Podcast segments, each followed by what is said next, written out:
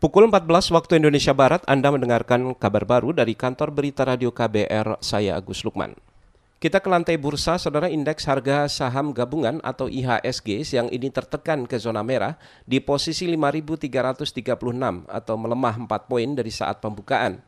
Mengutip data RTI, indeks dibuka di posisi 5.340 dan sempat menembus posisi tertinggi harian di angka 5.369.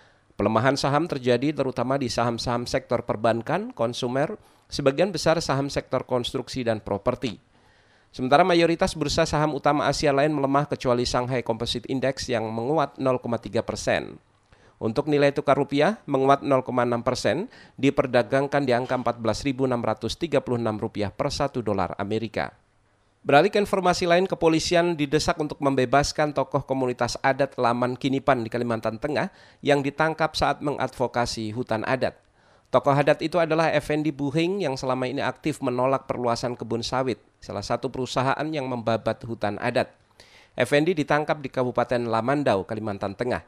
Sekjen Aliansi Masyarakat Adat Nusantara Aman, Ruka Sombolinggi menyebut penangkapan itu sebagai bentuk kriminalisasi. Padahal yang beliau inginkan itu sesuai dengan haknya, yaitu ingin didampingi oleh pengacara. Jadi tidak ingin mengikuti proses pemeriksaan tanpa pengacara. Dan justru oleh Polda disebut tidak kooperatif. Menurut saya ini hal yang kemudian beritanya dibelokkan. Juga yang menjadi keprihatinan kami karena ini polisi datang ke kampung seperti mau menangkap teroris. Datang bersenjata lengkap, berpakaian lengkap, dan menarik secara paksa beliau untuk ikut. Sekjen Aliansi Masyarakat Adat Nusantara Aman, Ruka Sombolinggi menilai penangkapan tokoh adat itu merupakan buntut konflik lama antara masyarakat adat dengan perusahaan sawit sejak 2004.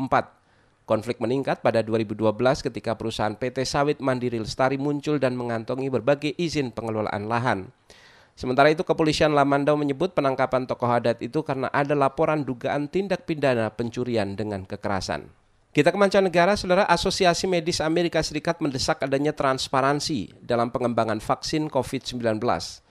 Desakan itu disampaikan menyusul begitu cepatnya perkembangan vaksin di berbagai negara dan sedikitnya informasi tentang proses pemantauan pembuatan vaksin dari Badan Pengawas Obat dan Makanan Amerika FDA.